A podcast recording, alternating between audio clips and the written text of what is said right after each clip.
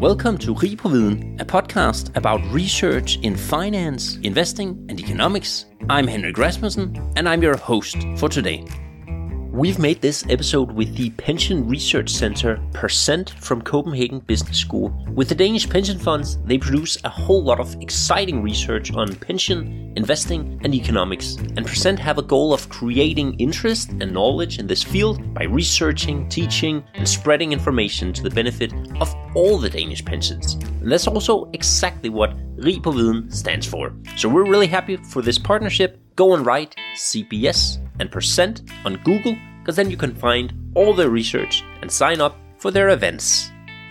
When we borrow money, our spending behavior changes. We may have to spend less than usual to pay off the loan, and if we bought a car or a house, the payments can be a significant amount in our budget. But then, what happens with our behavior once we have paid off the loan for our house, for example? That's what we have on the menu today. In this episode, I have Jimmy Martinez Correa with me, who is an associate professor in economy on Copenhagen Business School with a PhD from Georgia State University. And we're going to talk about an interesting subject that is what happens with our spending and savings behavior after we have paid off our mortgage loans in Denmark. Thank you for coming, Jimmy. Thank you, Henrik, for inviting me. You're very welcome. Now, I, I didn't mention in the intro that you're actually from Colombia, and that's also where you have your degree from.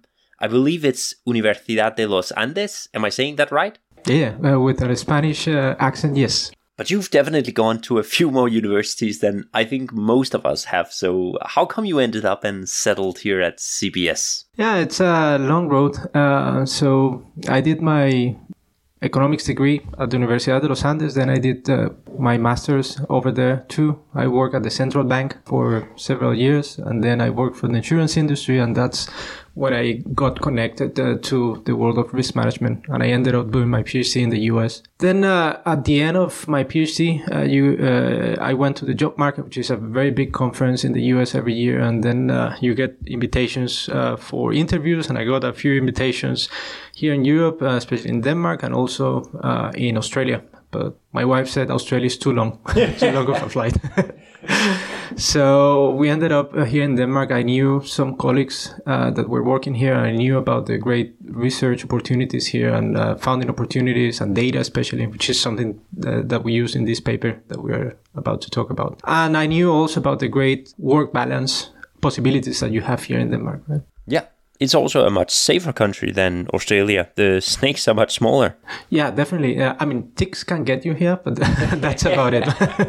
You're also part of the Percent Research Project who's sponsoring this episode, so just shout out to them for making this possible and for supporting all this amazing research that you're all doing.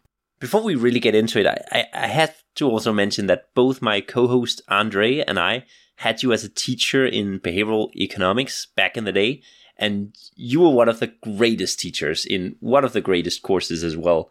And uh, I still think about loss aversion and the famous disposition effect almost every day. So, so just thank you for that. No, thanks, Henry. Yeah, yeah I'm, I'm glad to hear that. Uh, yeah, I think I, I told you, I always tell my students that you will forget most of the things that you learn in the course, but, but in behavioral finance, uh, uh, we cover some uh, concepts that are really important on our daily basis uh, decision making. So, so we cover loss aversion and other things like mental accounting. Right? Yeah, that exactly. it's uh, it's very important. Maybe at some point you will have someone talking about that here because it's so relevant for financial decision making. Right? Anyways, you wrote this article called Responses to Eliminating Saving Commitments Evidence from Mortgage Runoffs, together with three other professors what motivated you to to write this article? So, so it's uh, uh, I, I, just would like to mention it's uh, Stephen Shore from Georgia State uh, University, and then uh, my colleague from Canada, um, d'Astous, Philippe d'Astous, and then Steffen Andersen from CBS. It's a funny thing how this projects come about. This it's just you start talking about shared interest, right? And normally we'll have an idea of something that happened to us or that we are going through, uh, right? And then uh, just say, oh, that would be an interesting thing to think about. And then uh, uh basically we said, oh, something that we that we have to face, most of us, is uh, to uh, to commit to saving somehow, right? Sometimes it's imposed by a third party like government, right? Like pension, and sometimes it's self-imposed, right? Yeah. And some people uh, do that uh, because they they want to get an extra incentive uh, to save because as we discussed in behavioral uh, finance, people have self-control problems and then they want to force themselves uh, to to save what they want. Right. What we are studying here is one particular type of uh, saving commitment. It's a self-imposed self- saving commitment that is called a mortgage contract. Right? And it's a saving commitment uh, because basically what you do when you get a mortgage is that if you let's say that you put down 20% of the price, right? So you own 20% of the price, right? So the idea is that uh, you borrow 80% and the banks, uh, the bank owes uh, 80% of your house, right? So when you pay up uh, your debt, right, what you are doing is increasing uh, your the equity in your house, right? Yeah. So by the end of uh, your mortgage, what happens is that you own or the other 80% of the house. So you end up owing 100% of the house, right? So effectively, when you pay down uh, your mor- uh, your mortgage, what you are doing is saving in an asset that is called housing. Right? Yeah. Yeah, it's kind of a savings and long term investment as well. You replace the debt with assets that you actually own. But also this concept that is in the title of the article mortgage runoff. What is a mortgage runoff? It, it doesn't sound good. it's a good thing. you pay it's down your debt. no, no, no. It's it's basically a way to call uh, the situation where you basically pay off all your mortgage, right? And uh, we have the strict definition of a mortgage runoff in our paper is that you stick to the original plan. You don't do any prepayments. You don't do any refinancing. You just sign the mortgage and over 30 years you pay monthly what you are, uh, uh, what you uh, owe the bank, right? And that, and by the end of the 360 months that you pay of your 30, uh, 30 year mortgage, then that day is the mortgage runoff, right? And then you're free. And then you talked about this called savings commitment. And of course, this thing about taking a mortgage loan is a very good example. But do we have other savings commitments in our daily lives? Yeah, uh, some are self, uh, some are externally imposed, right? Like saving for retirement. But also, uh, for example, there are some more soft saving commitments. Like uh, if you go to a bank and you say, "Okay, I want to save for a summer house," right? Mm-hmm. Then the bank says, "Oh, then you have to put aside 1,000 or 2,000 extra for the next three or four years, right? So that's another saving commitment, but it might not have the same teeth that uh, a mortgage have, right? Because if if if you don't pay up your mortgage, you will be blacklisted, right? Yeah. So uh, so this is uh, yeah. Uh, so there are several uh, types of uh, of saving commitments. There there is one that I actually talked to you uh, in our course that is called capitalization uh, uh, titles. Uh, so basically, it's a, a, saving commitment device, right? That you say, I'm gonna save 500 coins every every month, right, for three years. And if you don't comply with that, right, then what happens is that you get a high penalty. And if you withdraw the funds, then you also get a high penalty. So I had a student that told me that back in the 80s, beginning of the 90s, there was something like that uh, here in Denmark.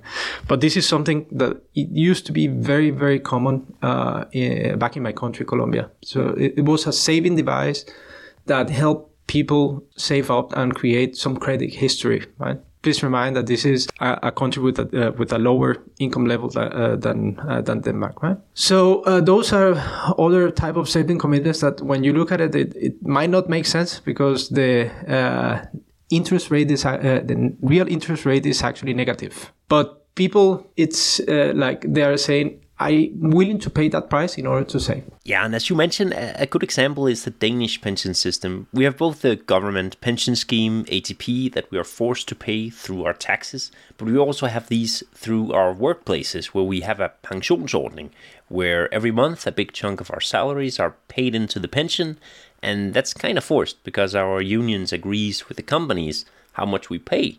So we don't really have control over it ourselves. Although one could say that in a way self-imposed because you choose the union. Yeah. Or, or uh, you choose uh, where to work, right? Yeah, that is true. Uh, that is so, true. so in a in a sense, it's sort of self self-imposed. Okay, but then we have this thing when we paid off our mortgage loan, when we stop having this savings commitment. What happens to our spending behavior? Why, why should there be a change in our behavior when that thing happens? Yeah, that's a good question. Uh, so, classical uh, economics says that uh, if you don't have any uh, saving constraints, right? If you if, if you if you've chosen your mortgage such that you have some breathing room in your budget, right? What should happen is that you should not observe any change in consumption behavior before and after uh, the runoff, right?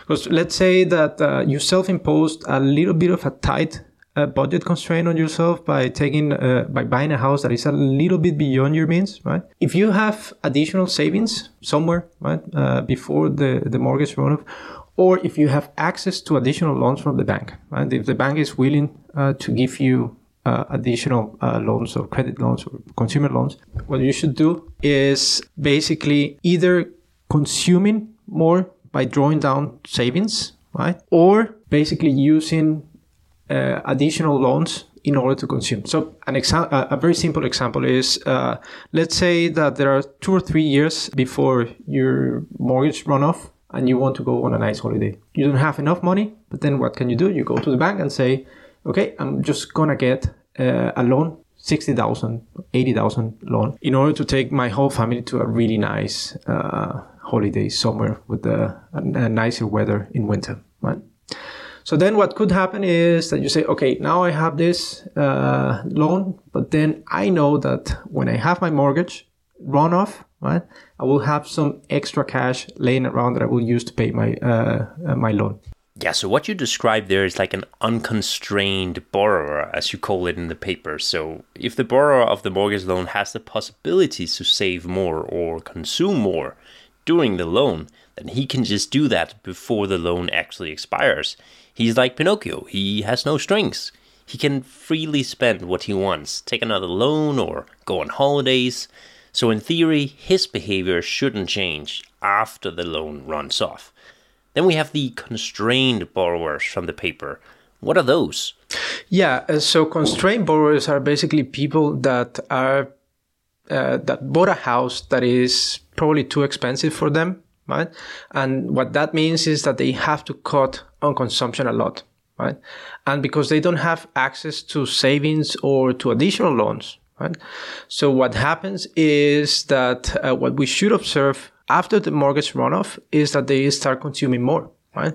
Because they are on a tight budget, right? Uh, that they could not smooth out. I think the important thing here is that the classical prediction is that people would like to have a smooth path of consumption. They don't want to see uh, decreasing consumption for many years and then suddenly increase their consumption because they have uh, cash laying around. If possible, people would like to have the same amount of, of consumption uh, every day once they reach that sweet spot that they like, right? Yeah. So when I refer to consumption, I both refer things that we buy but also leisure, something that Danes value a lot.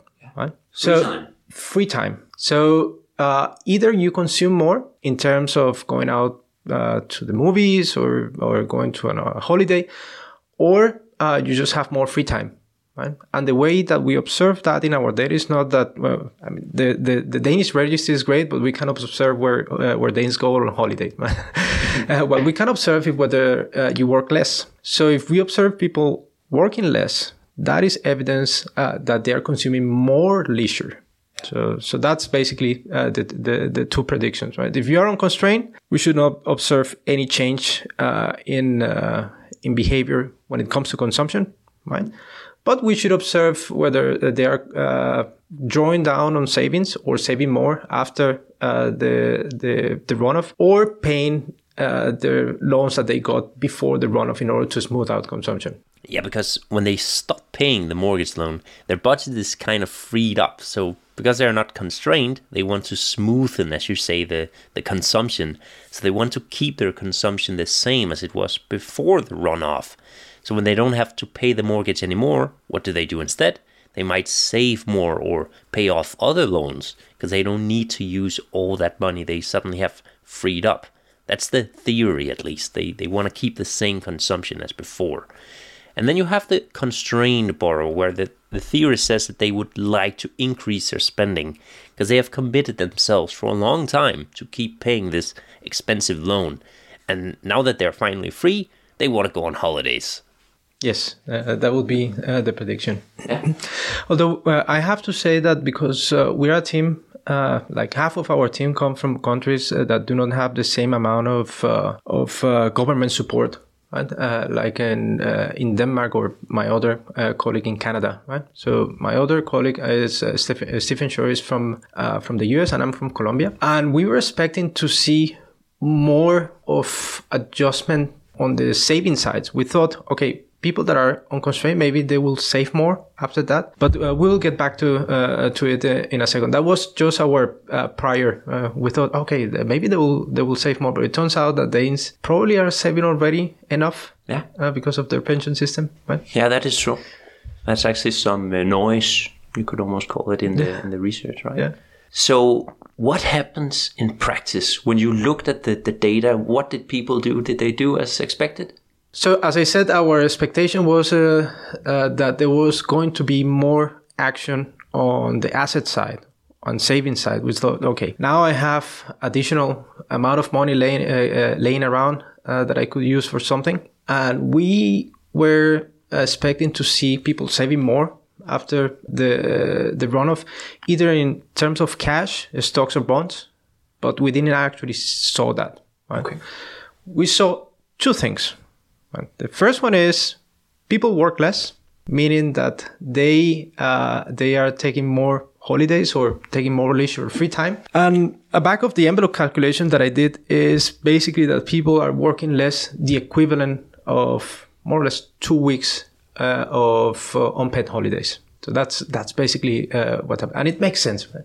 So uh, if you stop paying the mortgage and then you're 55 or 60 year, uh, 60 years old, right? So maybe you want to have not five or six but eight uh, weeks a year, right? Some extra holiday uh, that that you can have maybe with your kids or grandkids, right? The other thing that we saw is that people are uh, start paying down their loans, extra loans that they got supposedly to smooth out consumption. That's what uh, what we expect, right? mm-hmm. uh, what we expected. Right? These two findings uh, they were basically explained by people that were constrained, right? So that they were saving too much in housing. What we observe is that after paying uh, the loan, they basically uh, work less. Yeah. Right. So we observe more part-time individuals after the uh, the the mortgage runoff. Yeah. Right.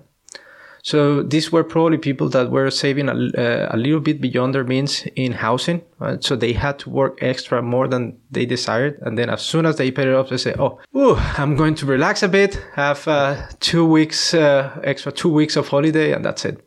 Yeah. And people that were const- unconstrained, yeah. right? That they could go to the bank and say, uh, give me a consumer loan. Then uh, we saw that two to three years prior to the mortgage runoff, people started taking up more loans. Right? Okay. Uh, consumer loans, other type of uh, non-mortgage uh, loans, and uh, it's also intuitive to me, right? So if you know, if you have the expectation that you will have uh, extra cash laying around, right? Say, I will just take an extra, uh, an extra mortgage, not mortgage, loan uh, to go on a, on a holiday or buy something nice for my kids, uh, something that allows you to consume a little more than uh, than you are consuming right now because you are saving too much in the in, in the housing. Yeah, you can always pay it off later, right? You know that your mortgage expires soon. That's that's basically the point, right? So uh, the theory uh, here that we are relying on is that the mortgage runoff is a predictable event, and if it is predictable, then if you have the ability to smooth out consumption, you should not observe any change, right? Because uh, you have the flexibility in financial markets to get extra loans and consume more if you want it, right? And then pay uh, pay it uh, down later, right? Which is basically what happened. Right? So in terms of money, uh, what we observe is that people used about half of what they used to pay in mortgage annually in order to pay down uh, uh, extra loans, right? So normally they were paying down like 34 to 35,000 uh, a year on average, right, uh, on mortgage uh, payments, and that means that uh, basically after the mortgage uh, run up there, they they use uh, seventeen thousand uh, of those 34,000 to pay down extra loans that they got to smooth out uh, their consumption. Yeah. So people actually seem to act pretty rational. Yeah.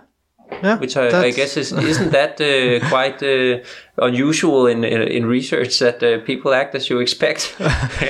yeah, I mean in this case it it, it predicted uh, the prediction was reasonable. And I don't know if you remember, but in the first class that uh, that we had in behavioral finance, I always uh, tell my students it is always good to go back to classical economics because there is good intuition. Yes, and there is good advice many times, right? So here, this uh, this this is uh, people are doing what is expected. If you have uh, the possibility to access uh, additional funds, right? then what you do is you just use those extra funds in in in this in in, in the um, uh, form of uh, of loans in order to smooth out your consumption right mm-hmm. now uh, if you say uh, it, it's it's a more complicated question uh, because uh, the people that are that are constrained right one could claim that they are saving too much but who are we to say that they are saving too much right if this is what they want yeah. that's that's what they self-imposed and uh, yeah they just say i'm just going to work extra harder for some years and then relax after yeah that's their preferences their utility function yeah. as i remember but but but sometimes uh, people uh, do not react in the way that you expect, right? So there there is other research that we cite that they also study predictable events like the runoff of unemployment insurance or uh, going into, into pension. Yeah. Right. And sometimes people react to that as it was an unpredictable event and change behavior. Right. Okay and that's where a behavioral theories has something more to say and this is uh, what uh, uh, those studies also also study right so uh, so one of the research that we decided to say okay we cannot explain this with classical economics so maybe we talk about mental accounting right yeah because uh, i don't know if you remember uh, from one of our classes but mental accounting says that there are different accounts, right? Yeah, your, psychological accounts. Mind. So if you have your monthly account, you're e- it's easier to consume out of it if you have your assets uh, account, that's more difficult because you have to sweat it a little bit. Right? Yeah. You have to refrain yourself from consuming in order to save. And if you, and there is a third account that is called the future income. That's pension income. So the idea is that when you go into pension, for example, right? It is very difficult to consume out of that because that's the last thing that you have, right? Okay. so that, that could predict why people are, for example, jumping to a lot of consumption to half of the consumption that they were uh, uh, used to when they go into pension. Right? Yeah, that often happens with with uh, elderly people, right? They, yeah, they start yeah. consuming less when they go yeah, on pension. So in the in their minds, it's still kind of a a savings account or it's still a pensions account. Yeah, even though they have access to it and can consume. Yeah. It's it's one possible explanation. yeah. Interesting. Uh, you you also mentioned uh, this thing about that people use the opportunity to to work less when they have paid off their, their mortgage, and I don't know if you also looked at the demographics in your research, but was that both younger and older people who, who wanted to work less after they? Yeah, we off? did a little bit of analysis uh, uh about that. It's not only people close to uh, to being uh, into pension. Right? It's younger individuals and older individuals, and it also depends on what you uh, mean by young, right? Yeah. so, but uh, most, uh, on average, people were in their mid fifties and around that uh, in in the in the mortgage runoff events that we study, right? So so it was it was not all older individuals, so, so younger individuals that uh, that run off their mortgage or pay down their mortgage when they're in their early 50s. Um, it also looks like, as you said, that we, we start to pay off other debts instead. So after we have paid off the mortgage, we start paying off other debts. And, and I thought to me that that might not seem super reasonable because mortgage loans are typically the loans that we pay the lowest interest rates on. And in my mind, we should pay out the other loans before the mortgage, the, the high interest loans, and and then just keep the mortgage loan, maybe even prolong it if, if that's possible. Or, or what do you think about that? No, no, that's a good question. That's that's a reasonable, uh, rational way of dealing with mortgage, right? But it also depends on the thing that you want to do with the with the loan, right? If all that you want is to have extra consumption that you cannot access right now under the income that you have, but you know that you are going to pay it later, I don't think why, why don't do it, right? So that's the cost of, of having additional consumption beyond your means of uh, monthly income, right? Yeah, yeah, it, it's a little bit of a time preference, right? You, you would prefer to to have the extra money now from from the other loans, uh, and then in, instead of saving on the on the interest rate. Yeah, exactly. I mean, if you know if you know that it, that your mortgage is going to run off, right, uh, and then you just need an ex- a little bit of extra money to have a nice uh, holiday, uh, why not uh, why not take the loan right for a few years and then pay it down later? Yeah, that so sense. that's what loans are uh, are good for, right? If you if you know that you're going to have the money to pay it down later, uh, and you're willing to pay that price, why not do it? I, I thought we could dive into this aspect that uh, when you look at uh, whether Danish people increase their savings after paying off their mortgage, it actually doesn't look like it in, in your data. Like they don't start saving and investing more money after paying off the mortgage. Why do you think that is? Yeah, so we actually had that uh, hypothesis uh, because half of our team was coming from uh, uh, countries where we don't have uh, many of the uncertainties that are covered by the Danish government here through uh, the safety net, right? So we thought, okay, maybe we should observe Danes saving more after that, and we wanted to test that. that was one reasonable hypothesis, right? And then actually we didn't find that living here for nine years after the fact uh, that, that we, we found this resource, said, oh, this makes sense, right? So there is a lot of saving here, right? Uh, in, in, in the form of, uh, of pensions, right? Yeah. There is a lot of safety net uh, coming from the government, right? Healthcare is provided by the government. So many of the uncertainties that you have to self-insure uh, by yourself in other countries, they're already covered through uh, a, a, welfare uh, system, mm-hmm. right? So if you think about that, the uh, the only thing that is uh, that is left to do is either consume more or work less. yeah. Right. And this is basically what we find. And it was not surprising to me that if uh, if you were constrained in the sense that you were uh, paying down a lot of mortgage beyond a little bit beyond your means, you work less afterwards. Something something that I came to understand that is actually very nice from Danish culture is that you really enjoy your free time. Right? Yeah. That is that is sacred. Right? So, so holidays here are, are, extremely sacred and, and and highly valued. Right? So this is something that I've also learned from Danes. Okay. So, and then, uh, if you look at data from from other countries, uh, is this different there? Is Denmark uh, unique in, in that way?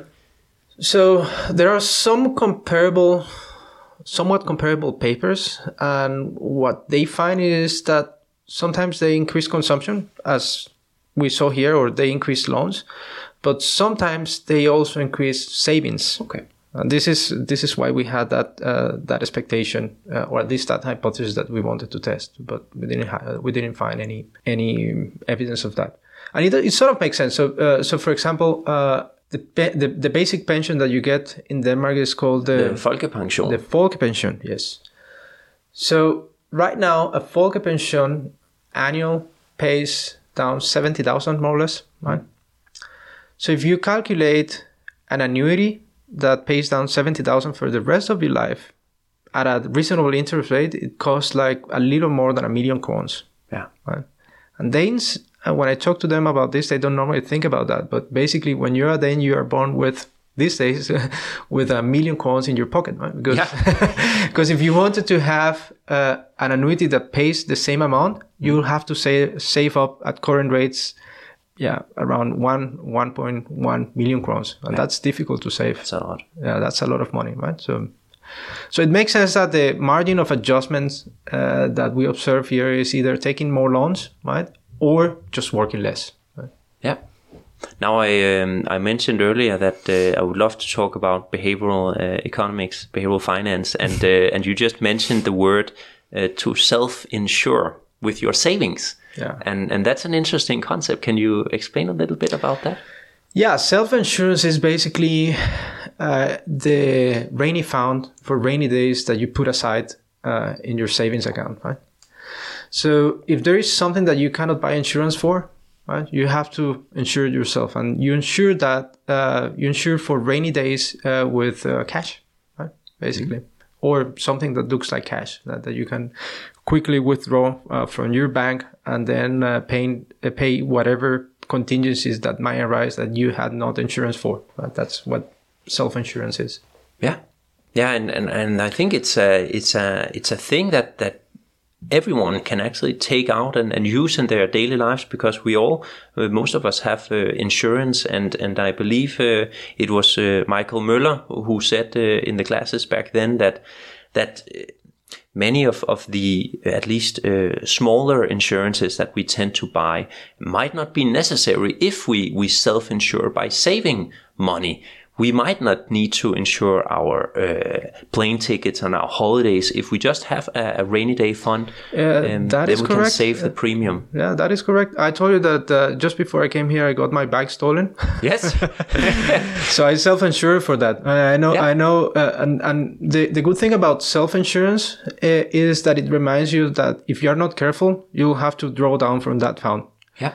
So uh, it is a reminder that you have to behave and try to avoid those uh, those scenarios like getting your bike stolen basically right? So, yeah maybe get gives you some uh, good incentives as well. Yeah it's like a self commitment device basically right? That uh, that you that you save for rainy days but you also uh, have to in order to avoid drawing down from those uh, from those uh, rainy days found you have to exert good behavior right like locking your bike or not being careless right yeah it might also even constrain your consumption. I think like if if you don't want to insure your bicycle, then if you buy a very expensive bicycle, it, it can be expensive if it gets stolen, and yeah. you, you you want to cover it with your own savings. Yeah, so so you might uh, be more conservative with your, your consumption as well.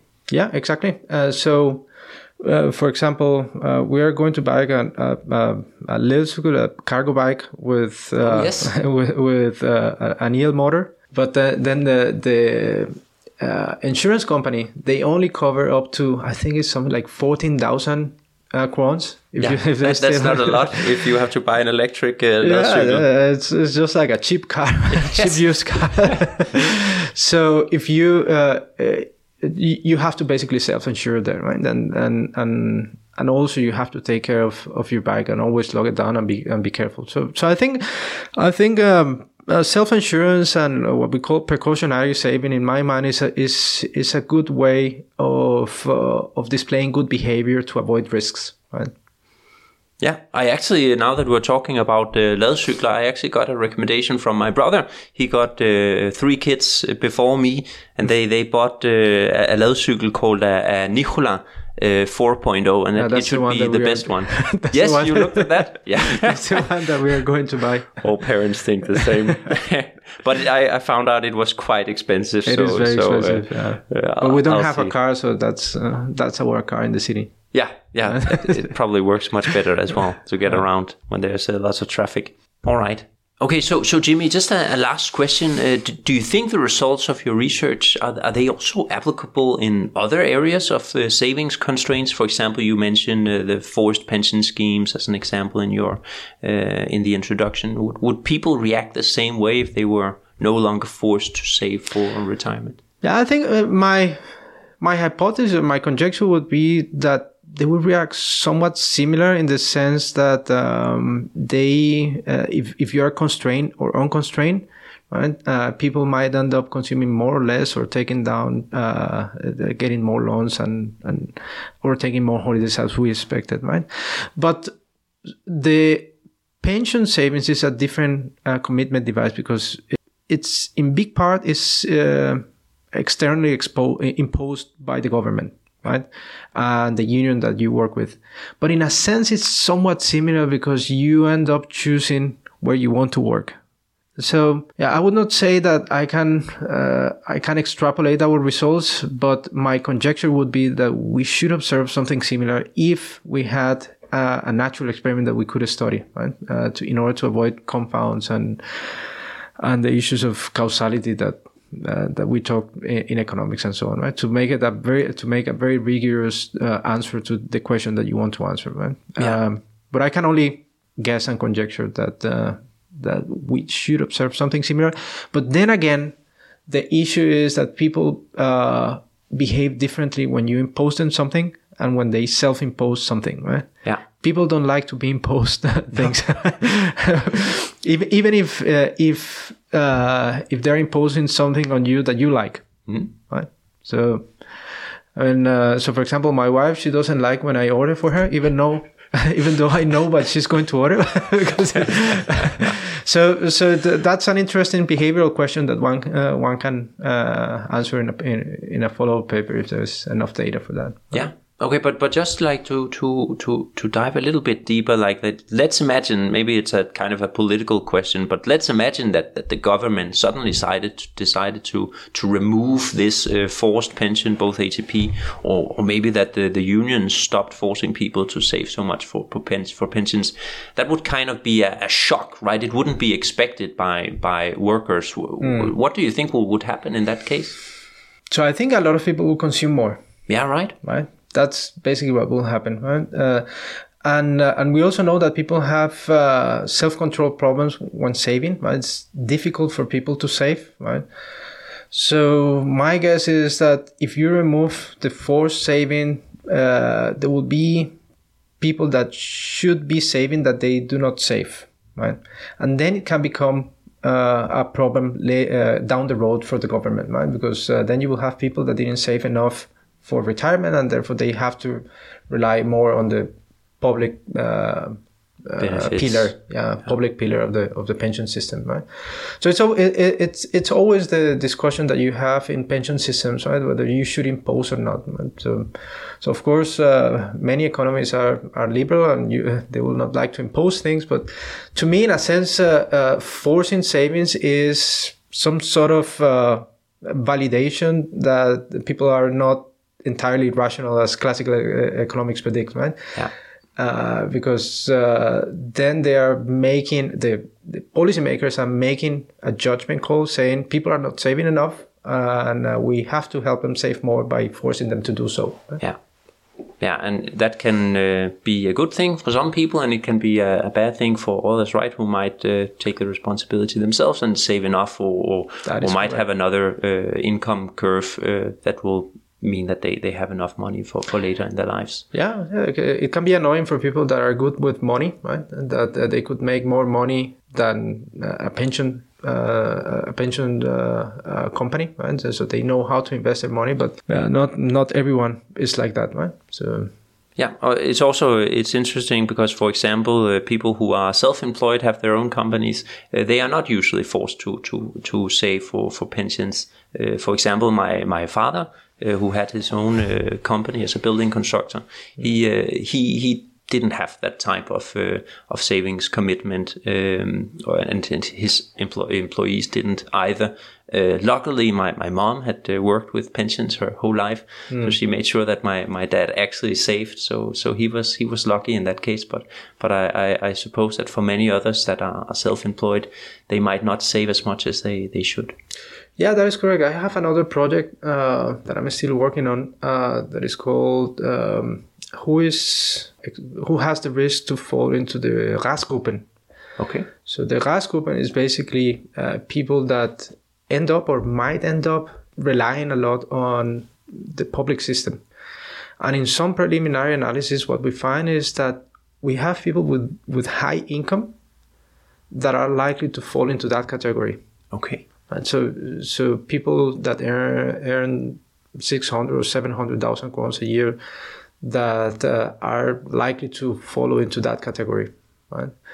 So that should not happen if uh, you have the discipline to save when you're uh, earning that amount of money, right? But uh, as we said, uh, some people have uh, problem. Most of us have, have problem savings, right? Saving and, and maybe, yeah, uh, maybe there are some people that uh, that should be saving that are not saving, even though they have the possibility to save, right? Yeah. All right. Then uh, I think those should be the, the last words of the podcast, Jimmy. It was a huge pleasure having you uh, here. Thank you for coming. Yeah, thank you, Henrik. it was a nice uh, interview. Thanks. You're welcome. Thank you for listening to Rig på Viden. I hope you learned something. And if you like our podcast, you can support us by following Rig på Viden on your podcast platform or by writing a review on iTunes. On LinkedIn, you can follow Andre Thorman, Benjamin Somofen, or Henrik Fode Rasmussen. Take care.